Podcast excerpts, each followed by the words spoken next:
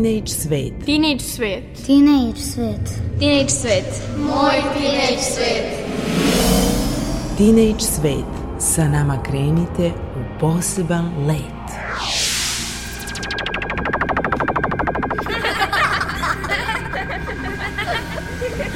Kreativan dečji svet.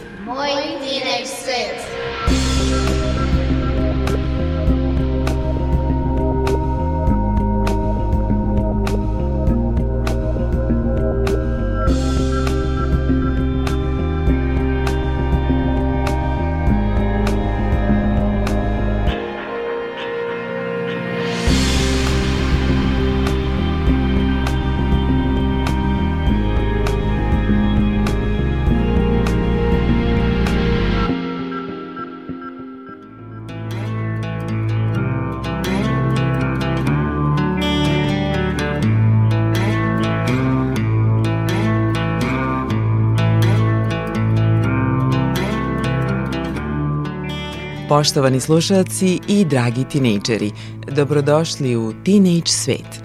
Pozdravlja vas Mira Petrušić, ulozi vodiča kroz Teenage magazin u našem druženju subotom. U ovoj emisiji govorimo o najboljim romanu za decu i mlade Petra je stvarno otišla, Aleksandra Jovanović, koja je osvojila nagradu Zmajevih dečih igara Rade Obrenović. Osim naših stalnih rubrika ITT, Sverom kroz jezik i Ode Jovana Jovanovića Zmaja, naš dragi gost je kustos Galerije Matice Srpske Nikola Ivanović, koji će govoriti o aktuelnoj izložbi Pajo Jovanović i Gustav Klimt i o svom zanimanju. Čućete i ekskluzivno jedno od njegovih priča koje je osmislio povodom aktuelne izložbe, a ostale zanimljive priče možete čuti u Galeriji Matice Srpske i to na svom telefonu.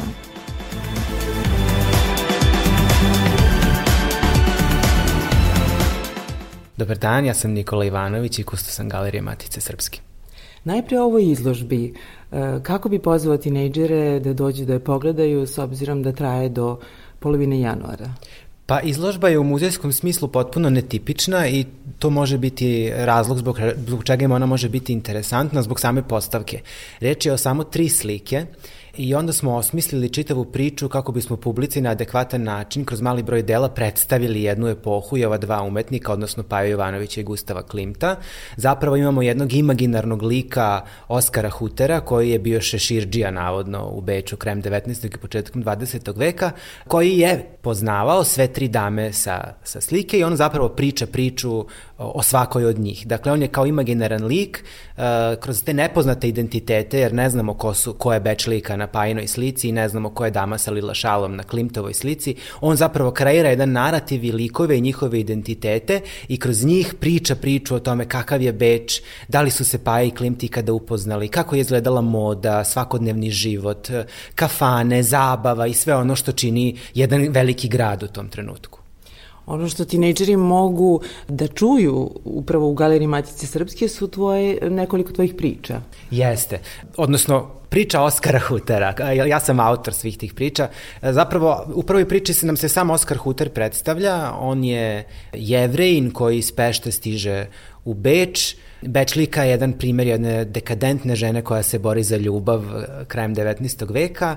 Ana Endlinger, odnosno eh, Klimtova dama sa Lila Šalom, je gluva devojka kojoj je Oskar Huter bio jedini prijatelj i priča o Muni je zapravo ljubavna priča o Pa i Klimtu, tako da možemo da prođemo kroz vrlo zanimljive identitete e, i dotiču, dotiču, dotičući se možda i nekih ljudi koji su na margini, kao što je to možda problem slepih osoba, na primjer u Beču krajem 19. veka i sve to smo uvezali u samu postavku, imamo QR kodove koji mogu da se skeniraju preko telefona i možete da iskoristite ili svoje slušalice ili slušalice koje smo mi stavili u prostor da odslušate sve te priče.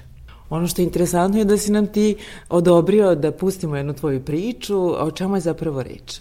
Da, uh, možete slobodno da pustite bilo koju od ove četiri priče. Meni je lično možda najinteresantnija ta o Ani Endlinger, odnosno o slici Gustava Klimta uh, Dama sa Lila Šalom, jer mi je bilo strašno interesantno da se pozabavim i tom inkluzivnom stranom jednog velikog grada kakav je Beč krajem 19. i početkom 20. veka, odnosno da osim tih lepih strana koje, koje nam plasira umetnost, pokažemo i, i neko drugo lice grada i drugo lice umetnosti, ispričamo možda neku intimniju pa i dirljiviju priču od one koje bismo inače očekivali u muzeju. Dakle, sada slušamo priču Ana Endlinger. Ana Endlinger. Lila trake od svile? Upitao sam polako. Klimnula je glavom s blagim osmehom Monalize. Četvrtak, šest sati, biće gotovo. Upitno me je gledala s istim onim skamenjenim izrazom poput skulpture. Zapisao sam na papiriću ovu informaciju i stavio je u sitnu koščatu šaku obmotanu crnim plišanim rukavicama. Bila je gluva. Bila je moja redovna mušterija, a ja njen jedini prijatelj. Ana je još kao devojčica sa svojih pet godina shvatila da se njeno razumevanje sveta pomalo razlikuje od shvatanja drugih ljudi. Presudan je bio jedan julski dan na Dunavu, kada joj se udavio brat. Dok je sedela na obali i upijala sunce, dečak je mašući rukama dozivao sestru u pomoć. Ana je mislila da se ludira kao i obično i priprema da pokaže još jedan salto. Nakon par sekundi zauvek se izgubio ispod površine vode. Nedugo po ovom događaju provela je sedam i po meseci u jednom samostanu u Francuskoj, za koji se govorilo da može da pomogne deci koja ne čuju. Otac je odlučio da je vrati nazad u Beč nakon brojnih nesuglasica koje je vodio Saninom majkom, a svojom ženom. Bile su to navale nerazumevanja među njenim roditeljima. Neretko je prisustvovala tim nemim scenama u kojima akteri snažno mlate rukama, otvaraju usta i potpuno izdeformisanih anatomija spajaju se u jedno telo poput kakvog apokaliptičnog dvoglavog kentaura. Nakon što su izgubili svoje starije dete, ova scena ponavljala se svakodnevno, u nekoliko činova do zalaska sunca. Majka se jednog dana uputila na pijacu i više se nije vratila kući. Otišla je ne rekavši ni reč. Noćima pre nego što zaspi, razmišljala je o tom danu krajem septembra kada je krišom iz hodnika videla oca kako plače u dnu kuhinje. Sklupčan na polju crno-belih pločica izgledao je kao poraženi kralj. Najvažnija figura u šahu i od tog trenutka u njenom životu. Uvijen kao nautilus na ručkama kuhinskih elemenata, rukama stiskajući kolena ka licu, plakao je uljudno, tiho. Prigušen zvuk pratili su blago šištanje i roptanje. Gledajući ga, osetila je vibracije u predelu stomaka. Ne znam zašto ljubav boli baš tu, ali jedan bečki psihijatar mi je objašnjavao da se na tom mestu granaju i ukrštaju nervi koji u grču daju podstica i nadbubrežnoj žlezdi da luči adrenalin i da stresom odbrani ugroženi organizam. Bila je mudra, dostojanstvena i hrabra. U svom životu suočavala se s mnogo nemogućnosti. Svako jutro posle doručka pokušavala je da poveruje u to da može da ih prevaziđe. Imala je više sličnosti s uličnim mačkama, kojima ljudi jedva da su pridavali značaja nego s ostalim svetom. Otac ju je upisao u školu za gluve. To je veliki institut u Favoritenštrase broj 13. Osnovao ga je još 1779. car Franc Josif II, a sadašnju zgradu je kupila vlada 1808. godine, tik do Terezijanuma, i stalno se dograđivala tokom celog veka. Ana je stanovala u Elizabeth Štrase 20, odmah pored Bloch Bauerovih. To su dve divne neorenesansne vile s početka 60. godina. I trebalo joj je peške otprilike 20 minuta od kuće do škole. Hodala je uvek blago pognute glave i uvučenih ramena kao da se skriva od kiše. Govorila je redko, u vriscima. Obično je od prevelike radosti ili pak straha ispuštala zvuk nalik kricima ranjene životinje. Ti njeni iznenadni urlici bili su meta radoznalih pogleda koji su umeli da budu zaista neprijatni. Ana i ja smo razgovarali tako što mi je čitala Susana. Neretko smo morali da se poslužimo metodom pisanja, što je ona često činila, a ni crtanje i pantomima nisu nam bili strani. Mada izbegavali smo da objašnjavamo rukama. Otkako je 1867. ukinut mešoviti metod učenja na institutu, radilo se samo na takozvanom oralnom nemačkom metodu – Znakovni jezik smatrali su uvredljivim jer je vidno izdvajao gluve od ostalog normalnog sveta. Cilj oralnog metoda bio je stvoriti jednakost. Takođe, verovalo se da je znakovni jezik ograničen, da je vežbanje govora i čitanje susana mnogo naprednije i da čak pojedinim gluvima omogućava da progovore. Ana je bila svesna da njena ćutanja predstavljaju rečitu potvrdu razlike od drugih. Navikla se na takav život. U pustim i vlažnim oblastima čovekovog iskustva bilo je teško pronaći nešto što bi nam približilo Anin svet tišine. Ono što drugi još nisu znali, a njoj je bilo sasvim jasno, jeste da se nalazimo u svetu znakova i slike. Poznavala je možda najvažniji jezik, govor tela, koji bi svakog pronicljivog posmatrača doveo do odgovora. Telo ne laže, jezik je tome sklon. Uvek je nosila crne haljine neupadljivih krojeva, bez previše detalja. Čovek koji je zaista čudan iznutra, onaj koji je u dubokom nesporazumu sa svetom, koji ga ne prihvata i ne razume, ne osjeća nikakvu potrebu da se ukrašava s polja, da privlači ičiju pažnju. Upoznali smo se kada sam joj prvi put pravio šešir za njen 15. rođendan. Bio je to poklon od oca. Jedan od onih koje je volala. Gospodin Endlinger imao je neobjašnjivu sklonost da kupuje poklene koje je Ana najčešće mrzela. Za 16. rođendan poklonio je minđuše. Nije ih nikad stavila i od tog događaja insistira da na svakom šeširu postoji traka koja se vezuje ispod brade i pokriva uši. Nije joj se dopala ni lampa za radni sto u obliku školjke, ni ogrlice s motivom puža od zlata i topaza. Podsećao ju je na njen oštećen ušni puž, posledicu meningitisa. Očeve poklone nije bacala, ali nije ih ni volela. Čuvala ih je kao sahranjene uspomene po ćoškovima i fiokama svog malog sekretera. U kutiji sa minđušama stajao je njen prvi ispali mlečni zub, poput kakve relikvije, koji je podsjećao na to da u životu rano počinjemo da gubimo. U muzičkoj kutiji skupljala je svoje kraste. Zapravo, Ana je imala jednu posebnu zbirku predmeta. Četkice za slikanje od dlaka veveriće grepa, srednjovekovne bestijarije sa sirenama i drugim fantastičnim bićima, rog jednoroga, herbarijum s biljkama koje je otac donosio s dalekih putovanja zbirku kratkih strašnih priča iz 16. veka s koricama od ljudske kože, pribor za pisanje s nevidljivim mastilom, zarađali veliki ključ od sobe u koju su je zaključavale sestre u francuskom samostanu. Bio je to ceo svet u jednoj maloj sobi. Pravi wunderkamer, soba čudesa. Kabinet redkosti. U takvom prostoru mogla je da utvrdi svoje mesto u univerzumu. Zidovi su bili zaklonjeni ormarima, policama za knjige, zemljopisnim kartama i slikama.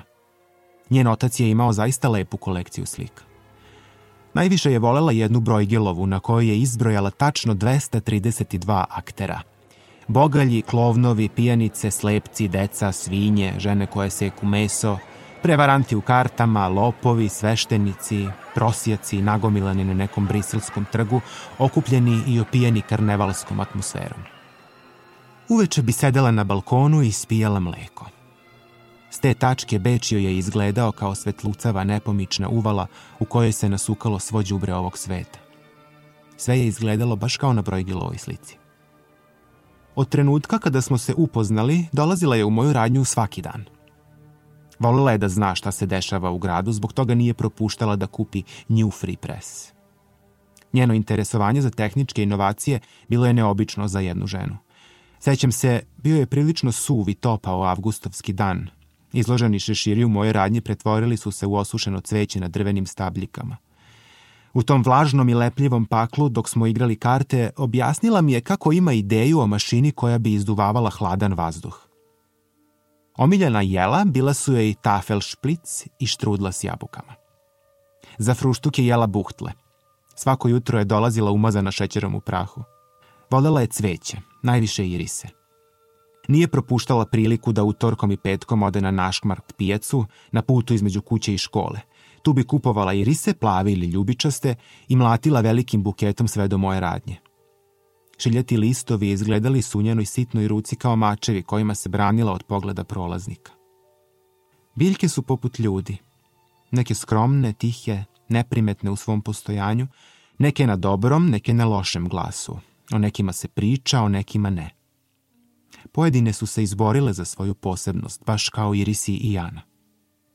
Osim mene nije imala drugih prijatelja. Deca s instituta je nisu naročito zanimala. S njima nije delila nikakva interesovanja. Jedino je volela Slavu Raškaj, devojčicu iz Ozalja, gluvonemu od rođenja, slikarski veoma nadarenu.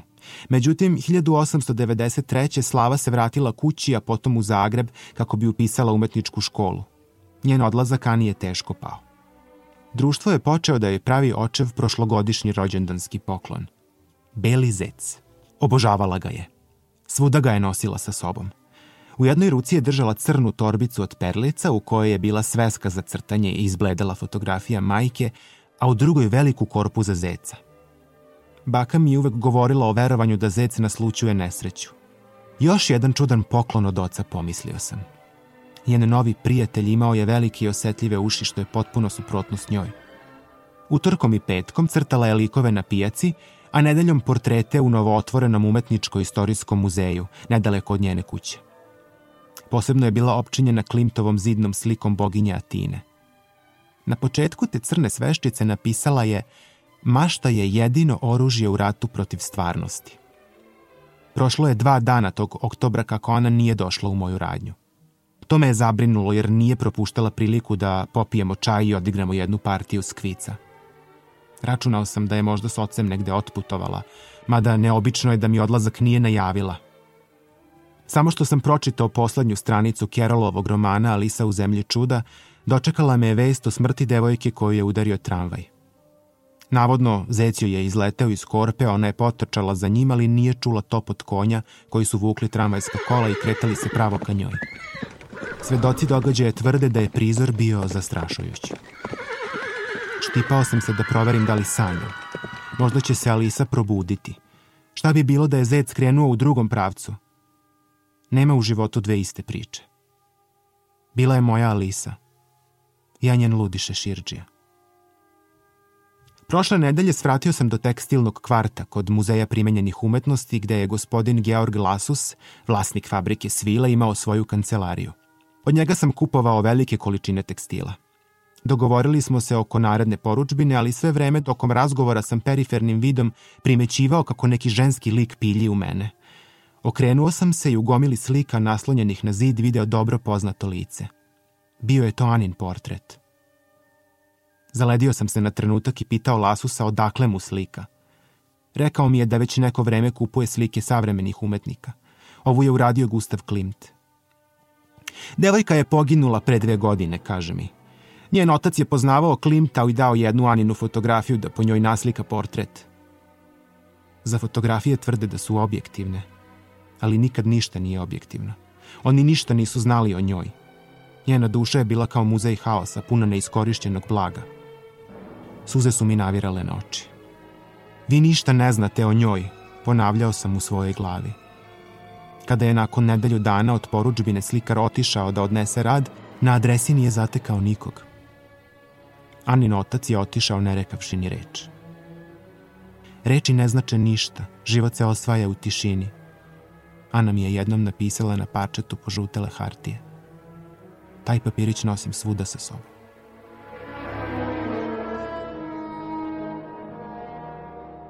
Moram da te pitam nešto vezano za tvoje zanimanje.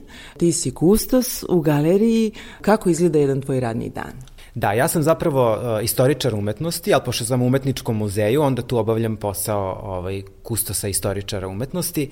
Jedan moj dan je vrlo šaren, Mislim da to ima veze i sa nekim drugim mojim interesovanjima, s obzirom da ja volim da se bavim i fotografijom, i dizajnom, i videoanimacijom, tako da sam uspeo i ta svoja druga interesovanja da integrišem u ovaj posao. I to je zapravo zanimljivo kod muzejskog posla, što vam dopušta jednu širinu i nikad vam nije monotono, vrlo je dinamično i zbog toga mislim da posao u muzeju može da bude vrlo kreativan i vrlo širok. Tako da ja u toku dana, osim što se bavim i onim klasičnim muzejskim pos poslovima koji se tiču organizacije samih muzejskih događaja, organizacije postavke, izložbe, kreiranje izložbe, vođenje publiku, publike kroz izložbe, kreiranje pratećih programa, ja uz to mogu da radim, na primer, i dizajn nekog pratećeg materijala, mogu da radim i vizual za jednu izložbu, često učestvujem u kreiranju naših videa koji prate izložbe. U marketing smo dosta često uključeni svi mi iz tima u, u našem odeljenju za programe i prezentaciju, tako da muzejski posao može da bude vrlo dinamičan i vrlo zanimljiv, uz to zanimanje isto, ne morate biti istoričar umetnosti da biste bili kustos u muzeju, jer to zapravo zavisi od tipa ovaj, muzeja. Kod nas su uglavnom istoričari umetnosti, međutim imamo i filozofa, i filologa, i pedagoga. Tako da mislim da jedan umetnički muzej može da broji ove, različite zanimanja koja kada se sklope u jednu celinu dobijemo ono što muzej danas treba da bude, a to je jedna vrlo interdisciplinarna ustanova koja vam pruža mogućnost da na kreativan način uh, radite sa publikom i da možda sagledavate umetnost iz različitih perspektiva, a da to nije neka klasična istoričarska umetnička koju bismo očekivali od jednog ovakvog muzeja. Na koji svoj rad si naročito ponosan? Da, pa da, trudim se da sa svakim novim projektom pomerim neke svoje lične granice. Najviše sam verovatno ponosan sa prvim, uh, sa prvom izložbom, što je zapravo bio moj master rad identiteti, predstave žena u srpskom slikarstvu, bavio sam se politikom različitih identiteta, ali svaki sledeći imao nešto novo u čemu ja nalazim razlog zbog kojeg bih mogao da budem ponosan. I projekat kolekcije slika Jovanke Broz mi je isto bio zanimljiv, jer mislim da sam uspeo da na jedan drugačiji način uh, sagledam i vidim poziciju i ulogu prve dame bivše Jugoslavije. I evo ovaj sad poslednji sa, sa Pajom Jovanovićem i Gustavom Klimtom imao sam prostor da se igram i nisam pisao nešto o čemu se inače piše, pokušao sam da jedan književni način predstavim uh, publici jednu epohu i ovu dvojicu slikara i to je za mene bilo nešto novo, tako da mislim da sam i sa te strane ponosan i na taj pokušaj da se malo oprobam i u nekim drugim vodama i drugim načinima pisanja. Hvala ti puno. Nema na čemu, hvala i vam.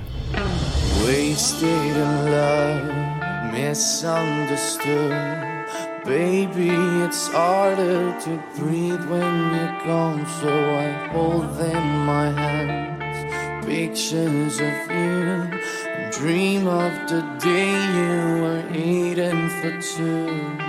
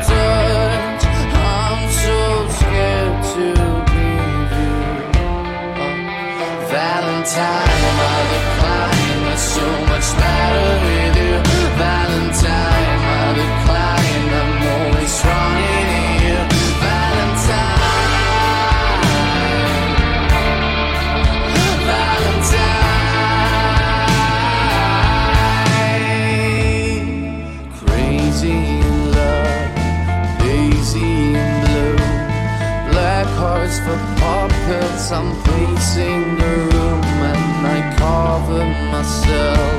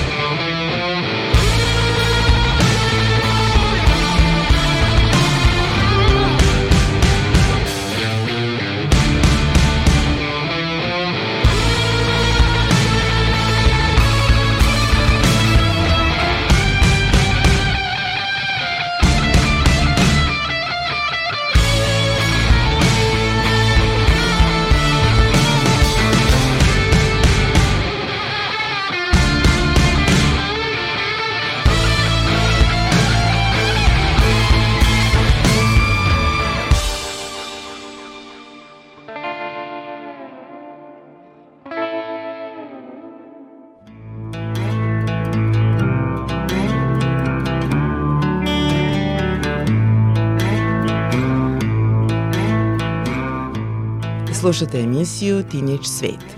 Za ljubitelje lepe reči i tinejdžere koji vole da čitaju, lepa vest je da je dobitnica nagrade Rade Obrenović Zmajevih dečih igara Aleksandra Jovanović za roman Petra je stvarno otišla u izdanju Kreativnog centra.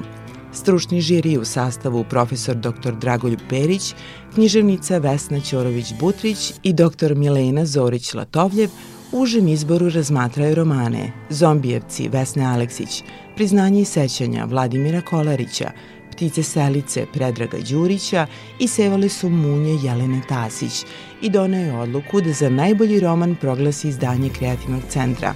Petra je stvarno otišla, Aleksandra Jovanović, koji u Zmajevim dečim igrama na svečanosti Zmajev dan povodom 190. rođendana Jovana Jovanovića Zmaja i uručeno to značajno priznanje.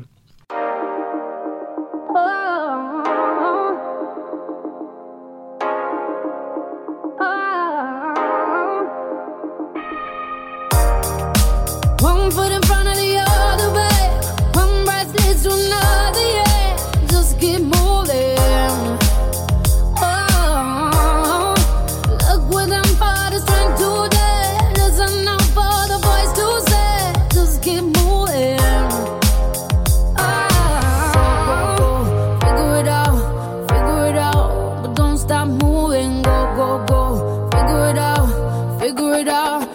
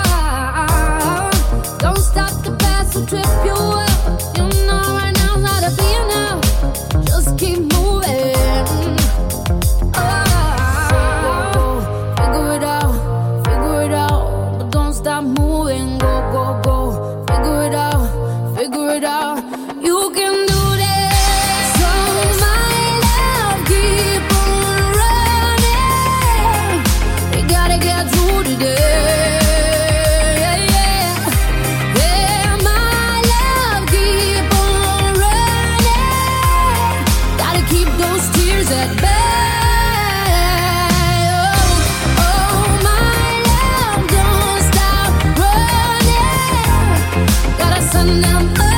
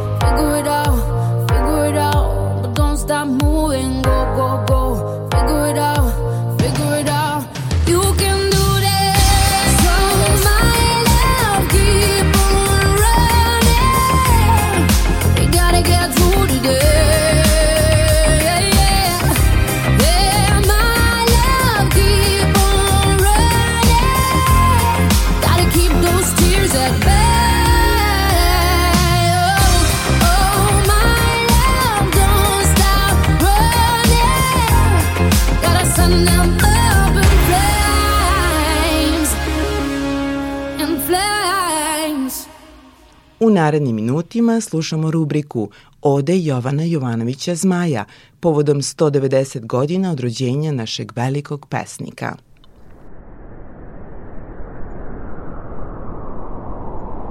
Oda snegu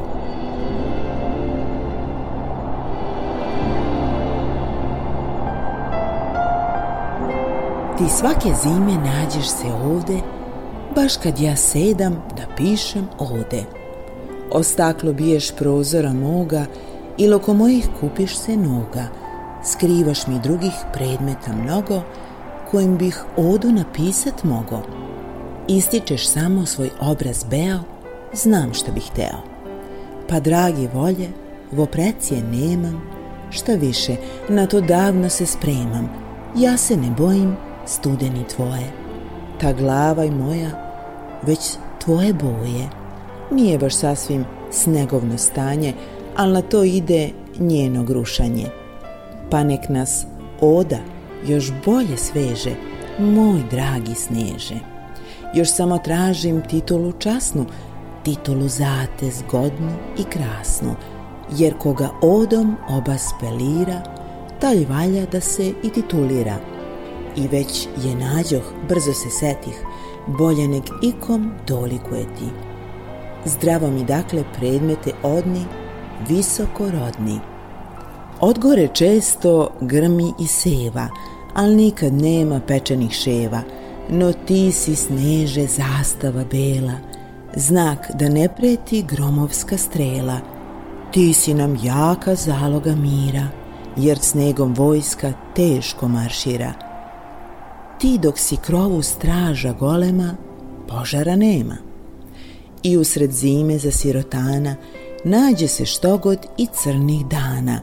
Njemu su crni mada su vreli, al zima ima i noći belih.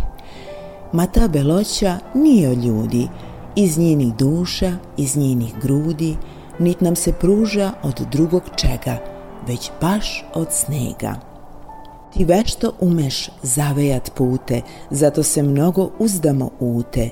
Kad pakost zloba pođe da luta, oh zavej, zavej, vraška im puta.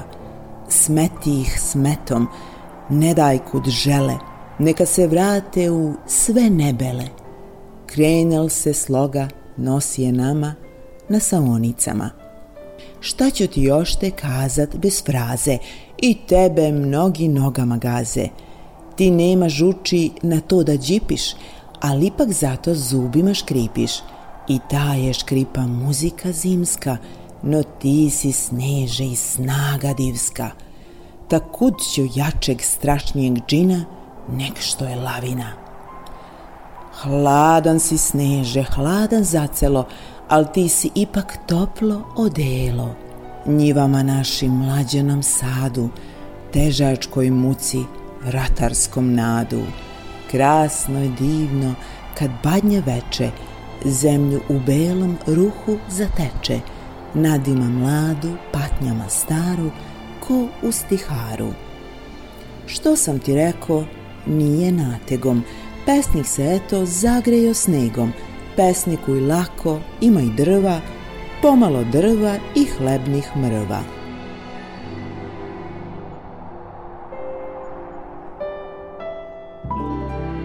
Slušali ste Odo snegu Jovana Jovanovića Zmaja. Emisija je nastala povodom 190 godina od rođenja Jovana Jovanovića Zmaja. U emisiji su učestvovali muzički urednik Aleksandar Stojanović, ton majstor Damjan Šaš, stihove kazivala Mirjana Petrušić.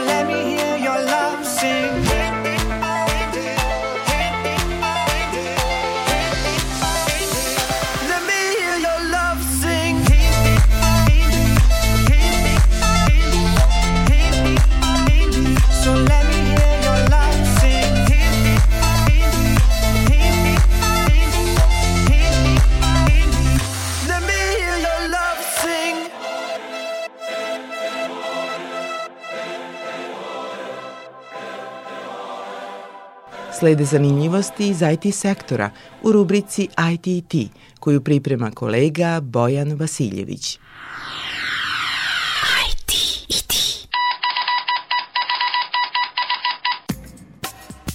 Ko je izmislio daljinski upravljač?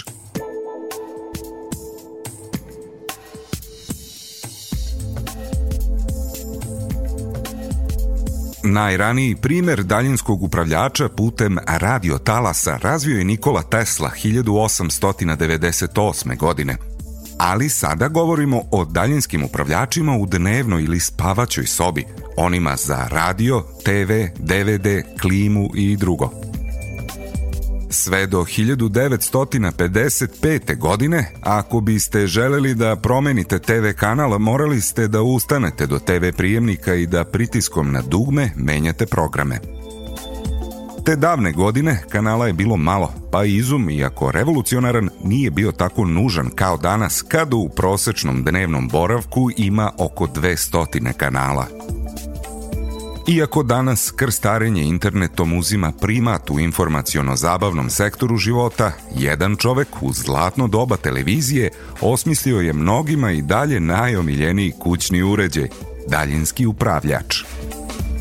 Ako ste strastveni poklonik televizije i malog ekrana, možete zahvaliti inženjeru Eugeneu Poliju – Taj Amerikanac izumeo je 1955. prvi daljinski upravljač, omogućivši ljudima širom sveta da iz fotelje uživaju u televizijskom programu. Prvi daljinski izgledao je kao omanji fen za kosu. Korisnici su morali da ciljaju u uglove televizora jer je usmeravao snop svetlosti na fotoćelije u uglovima TV ekrana – Svaki ugao aktivirao je drugu funkciju da utiče na sliku ili zvuk ili menja kanal.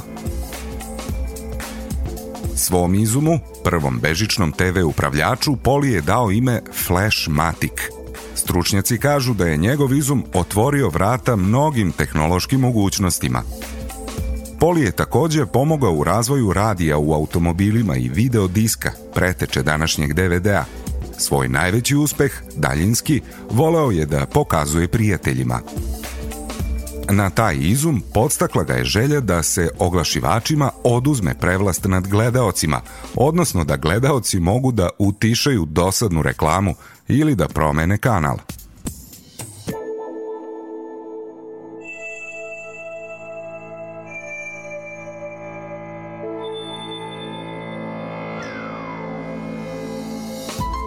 I za kraj, mali savet. Ako sumnjate u ispravnost vašeg daljinskog upravljača, kamera na mobilnom telefonu registruje svetlo sa infracrvenih dioda na prednjoj strani upravljača. Upalite kameru i posmatrajte da li se pojavljuje trepćuće svetlo dok pritiskate tastere upravljača. A ako tog svetla nema, sva je šansa da ste obradovali lokalnog trgovca jer ćete morati po nove baterije. Slušate emisiju Teenage Svet. Sa nama je i lektorka Vera Maletić koja nas vodi kroz jezičke nedoumice sa nekadašnjim članovima Dečije radio grupe. S verom kroz jezik. Jezičke nedoumice za sve uzraste. Teenage Svet. Izvoli. Hvala. Molim. Da li bi mi, molim te, pridržala vrata? Pune su mi ruke. Naravno, izvoli. Hvala, baš si ljubazna. Hoćeš li mi dodati, molim te, onu knjigu? Kako da ne? Ja sam bliže, izvoli. Hvala. Dobar dan, Vera. Dobar dan, Vera. Zdravo, Nađa, zdravo, Uma. O čemu nam danas pričaš? I zašto smo danas tako fini? Pričamo danas o lepim rečima. Šta je to lepa reč? Ja tako zovem one reči kojima se može širiti dobrota i kako danas vole ljudi da kažu pozitivna energija. Da li je to baš prava i čisto jezička tema ili... I jeste i nije. Jeste jer govorimo o jeziku i o rečima, a nije potpuno jezička tema jer izgovaranje lepih reči i rečenica podrazumeva mnogo više od znanja jezika. Lepo vaspitanje, na primer. Tako je, jer roditelji su ti koji decu od malena uče šta, kako i kad treba da pričaju.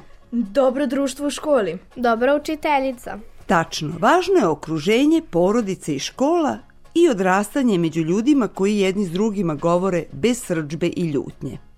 Ali važna je i želja da se bude dobar prema drugim ljudima.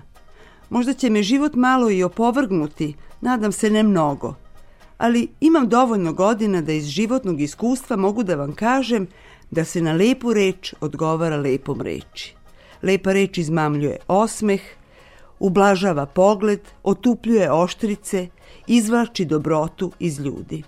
Svako voli da je čuje, ali da bi je svako čuo, svi je moramo i izgovarati. To je odlična ideja. Za početak, neka vam ne bude teško da kad idete u školu, na stepeništu ili ispred zgrade, nekome poželite dobar dan.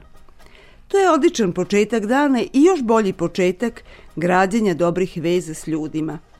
Onaj kome poželite dobar dan, ne može da se ljuti na vas. Ako samo ćutite i prolazite jedni pored drugih, to ćutanje brzo može da se pretvori u prek pogled ili kakvu ružnu reč. A zna se čemu to dalje vodi. Videla sam sto puta kako se ljudi svađaju i kako jedno drugome govore stvarno ružne reči. Jedna ružna, pa odgovor isto tako ružan. I tako u beskraj. Tako je isto i na Facebooku. Hejt na hejt, uvreda na uvredu. Upravo vam to i govorim. Praznici pred nama su, čini mi se, baš nekako vreme kad malo omekšamo. Malo zaboravimo svakodnevnu borbu i muke, barem za trenutak. To je vreme da budemo dobri jedni prema drugima ili da barem pokušamo. Sami izaberite reči kojima ćete poželjeti drugima srećnu novu godinu. Jer ovde na kraju krajeva gramatika nije važna, nego dobra volja. Spisak lepih želja može biti dugačak. Možete svašta lepo poželjeti, a možete jednostavno reći želim baš tebi srećnu novu godinu.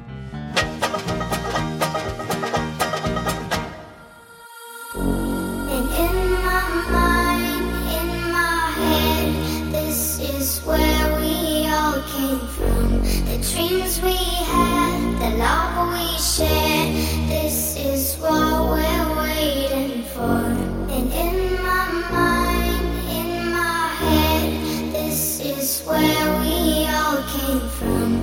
dreams we had, the love we shared, this is what we're waiting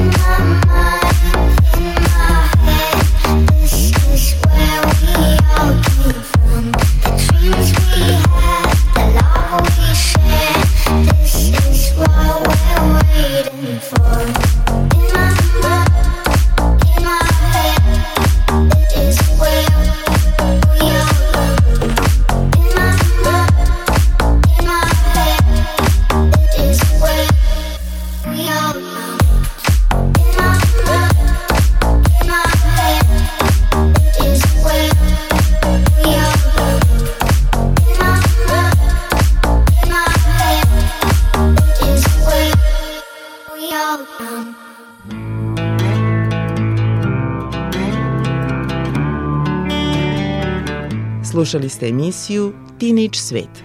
Sve naše emisije možete čuti odloženo na sajtu rtv.rs, odloženo slušanje.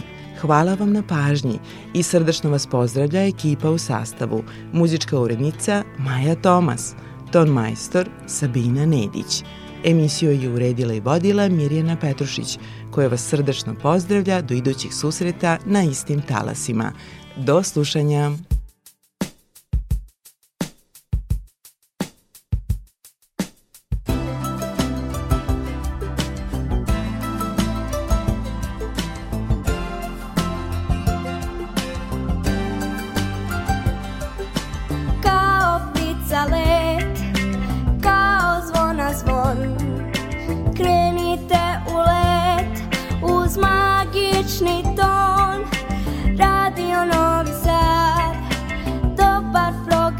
D.